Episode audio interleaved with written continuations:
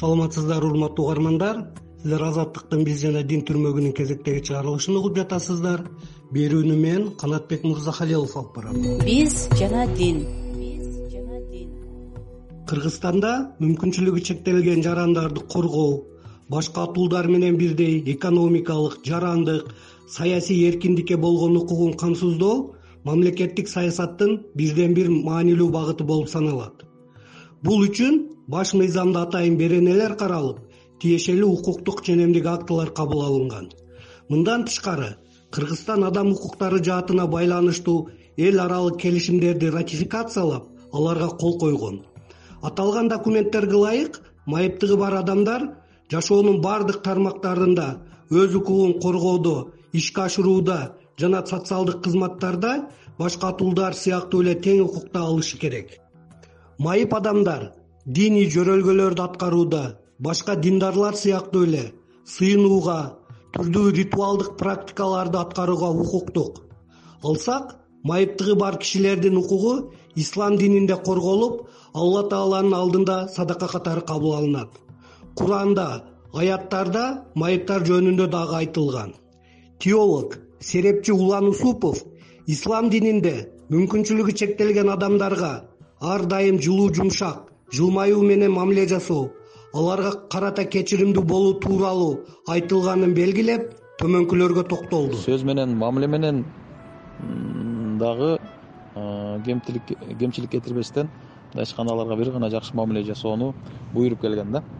Алла тааланын ошо нур сүрөсүнүн алтымыш биринчи аятында э, Э, көзү көрбөгөндөргө э, төкөрлөргө жана башка мүмкүнчүлүгү жана мүмкүнчүлүгү чектелгендерге эч кандай э, кыйынчылык айыптоо жок. Бул алла тааланын өкүмү буйругу. Ошондуктан бүгүнкү күндө биз мусулман коомчулугу дагы коом өзүбүз мүмкүнчүлүгү чектелген ошо бир туугандарыбызга Э, мээримизди төгүп камкордугубузду көрсөтүп э, аларды аларга мүмкүнчүлүк шарт түзүп беришибиз керек да. Э, мүмкүнчүлүгү чектелген майыптарына дагы үзүлүп түшүп колдоо көрсөтүп жардам бериш керек да. Башка жарандарга ошол мындайча айтканда илим алууга окууга кесип өнөр үйрөнүүгө кандай Э, үйлөнүп жайланууга бала чакалуу болууга э, аларга таалим тарбия берүүгө э, толук кандуу үй бүлө болууга коомубуздун эч бир жеринде мындайча айтканда кемсинбей басынбай жашоого аларга толук шартын түзүп бериш керек. Бул мамлекеттин милдети болуп эсептелет.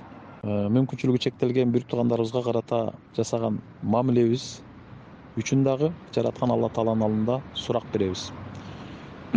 Алардын ошол майыптыгына сабыр кылып сабыр кылуу менен ыйманы менен ибадаты менен мүмкүнчүлүгү чектелсе дагы алар э, ошол э, акыл эси жайында мусулман болгон адамдардын баардыгы э, ибадат кылууга милдеттүү болгондой эле алар дагы алардын да ошондой милдеттери бар. Бирок ошол мүмкүнчүлүгү чектелгенге жараша. Канчалык мүмкүнчүлүгү болсо ошончолук ибадаттан милдеттүү болуп эсептелет алар деди улан усупов. Бишкек жана кыргызстан епархиясынын социалдык кызмат көрсөтүү жана ыраазычылык бөлүмүнүн башчысы елена иванова орус православ чиркөөсүндө мүмкүнчүлүгү чектелген адамдардын укуктары эч кандай локалдык документтерде чектелген эместигин белгиледи. Ал чиркөөгө келген баардык сыйынуучулардын укуктары бирдей экендигин айтып сөзүн төмөнкүчө улады если же говорить об отношении в церкви к людям с ограниченными возможностями сыйынууга келген майып адамдарга өзгөчө мамиле кылуу талап кылынат. Мисалы храмга келген адамдарга жакшы шарт түзүү керек. Айтсак сокур адамга чиркөөгө келүүгө кыйынчылык жаралып жатканда ал кандайдыр бир тоскоолдуктардан өтпөсү керек. Эгер адам майып коляскасында болсо ага чиркөөнүн аймагына храмдын имаратына ыңгайлуу жол менен кирүүсү шарт биз мындай адамдарга шарттарды түзүп беребиз. Бизде кайсы бир жерде пандустар жок болсо деле ар дайым майыптарга чын ниети менен кызмат кылуучу кишилер бар.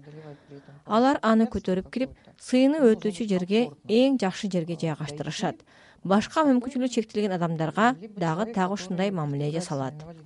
Башка мүмкүнчүлүгү чектелген адамдарга дагы так ушундай мамиле жасалат. Удобно въехать. Деди елена иванова. Биз жана дин диний үгүт насааттарда майып кишилерге боору ооруган маанай көп байкалат. Бирок улан усупов майыптыгы бар кишилерге ашкере боору ооруу менен кароо алардын өзүнө болгон ишенимин төмөндөтпөйт деп эсептейт. Анын пикиринде мамлекет катары эл катары мусулман катары жардам бере турган болсок алардын да өздөрүнө болгон ишеними пайда болот.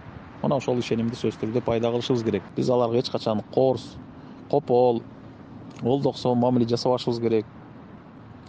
Э, жардам колдон келишинче жардам беришибиз керек. Майыптарга ошол зекетибизди беришибиз керек. Садакабызды беришибиз керек. Э, курмандыктарыбызды чалып ошо курмандык этинен беришибиз керек. Э, жардам берүүнүн өзүнүн белгилүү бир мөөнөтү эле мисалы рамазан айында эле жардам берилет деген нерсе жок. Келе жаткан ушул рамазан айында да колдон келишинче көп көп жардам беришибиз керек.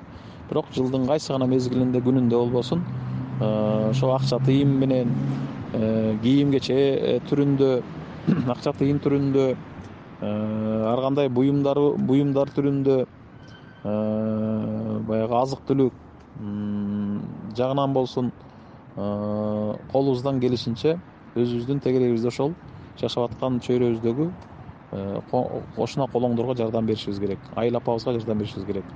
Ошол айылда бир майып жашап жаткан болсо ошол айыл элине ошол майып адам аманат болуп эсептелет. Бир мамлекетте ошо бир майып адам жашап аткан болсо көзү көрбөгөн э, буту жакшы баспаган же кайсы жеринен бир майыптыгы бар мүмкүнчүлүгү чектелген адам болсо ошол мамлекетке ал адам аманат болуп эсептелет. Мусулман эч качан аманатка кыянатчылык кылбайт. Деп өз сөзүн жыйынтыктады улан усупов. Орус православ чиркөөсүнүн алкагында мүмкүнчүлүгү чектелген адамдарга ар тараптуу жардам берилерин айткан елена иванова төмөнкүлөргө токтолду. Не отличаем людей здоровых от людей нездоровых. Майып адамдар менен ден соолугу чың адамдарды биз бөлбөйбүз. Алардын баары биздин сыйынуучулар. бирок майып адамдарга өзгөчө мамиле кылуу талап кылынгандыктан алардын жашоодо орун алган көйгөйлөрүнө албетте көмөк көрсөтүлөт жөн гана турмуштагы эмес. Бизге кайрылган күндөлүк көйгөйлөрүнө дагы ар тараптан жардам беребиз. не только жизненных каких то даже бытовых проблем. Деди елена иванова. Майыптыгы бар адамдардын укуктары жөнүндө жума намаздагы баяндарда башка диний бирикмелер өткөргөн сыйынууларда дагы айтылат.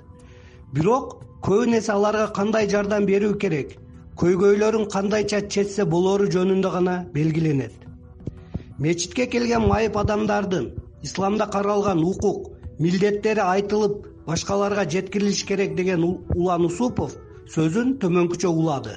Сөзсүз түрдө баяндарда айтылып э, түшүндүрүлүп жеткирилиши керек. Э, ошол эле учурда э, башка мусулмандардын дагы аларга карата укук жана милдеттери аларга карата кандай мамиле жасаш керек көмөк көрсөтүш керек ошол жөнүндө дагы айтылыш керек. Мындай айтканда эки тарабы тең болуш керек. Бирок бүгүнкү күндө мен билгенден көмөк көрсөтүү жөнүндө көбүрөөк кеп кылынат деди улан усупов. Биз жана дин. Жана дин майыптыгы бар адамдар диний жөрөлгөлөрдү аткарууда ыйык китептерди окууда диний уюмдар тараптан дагы мүмкүнчүлүктөр жаратылууда. Кыргызстан мусулмандарынын дин башкармалыгы көзү азиз адамдар үчүн атайын брайл системасы боюнча куран жаттоо исламдын акыйдасы ибадаты жалпы эле шарият багыты боюнча иштерди жүргүзүүдө. Бирок ал толук кандуу ишке ашырыла элек. Бул багытта туркиянын татарстандын тажрыйбасын колдонуу максатка ылайыктуу болмок деген улан усуповдун пикиринде бизде дагы ошол кыргызстанда да ошол э, атайын мүмкүнчүлүгү чектелгендерди окутуу жагы э, ошо брайль системасы менен окутуу жагы колго алыныш керек. Өзгөчө көзү көрбөгөндөргө кулагы укпагандарга. Дин чөйрөсүндө дагы мүмкүнчүлүгү чектелген адамдардын иштеп жүргөнү белгилүү.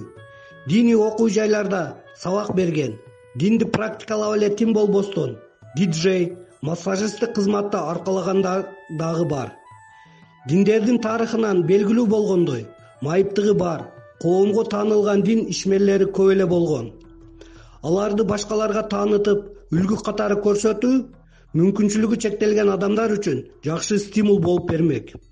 Мухаммед пайгамбардын доорундагы путу төкөр болгон муаз бин жаббал деген сахабанын баскан жолун мисал келтирген улан усупов сөзүн төмөнкүчө улады. Ошону йеменге э, вали кылып губернатор кылып дайындаган пайгамбар саллаллаху алейхи вассалам андан кийин алты жүз отузунчу жылы меккени мусулмандар баягы бутпарас капырларды жеңип багындыргандан кийин мекке шаарынын башчысы болгон мекке шаарынын мугалими болгон сахаба пайгамбар саллаллаху алейхи вассаламдын азанчысы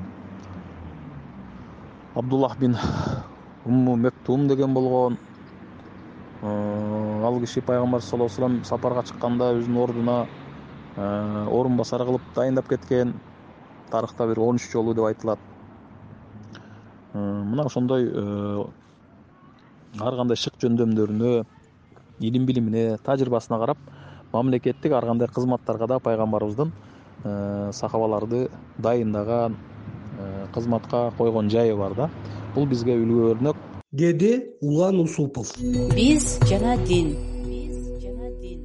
Апостолдук эрежелердин негизинде православ чиркөөсүндө жаш курагына же кандайдыр бир оорунун кесепетинен ден соолугу жабыркап мүмкүнчүлүгү чектелген мезгилде деле дин кызматчысы толук түрдө сыйынууларды диний жөрөлгөлөр менен салтанаттарды аткарууга дарамети жетсе өз кызматын улантууга укугу бар.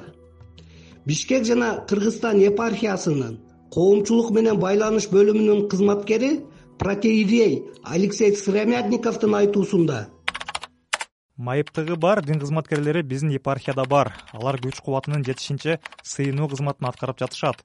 Өздөрүнүн жеке мисалында башка ден соолугу чың адамдарды кудайга жана жакындарын чын дилден кызмат кылууга шыктандырып үлгү көрсөтүп жатышат.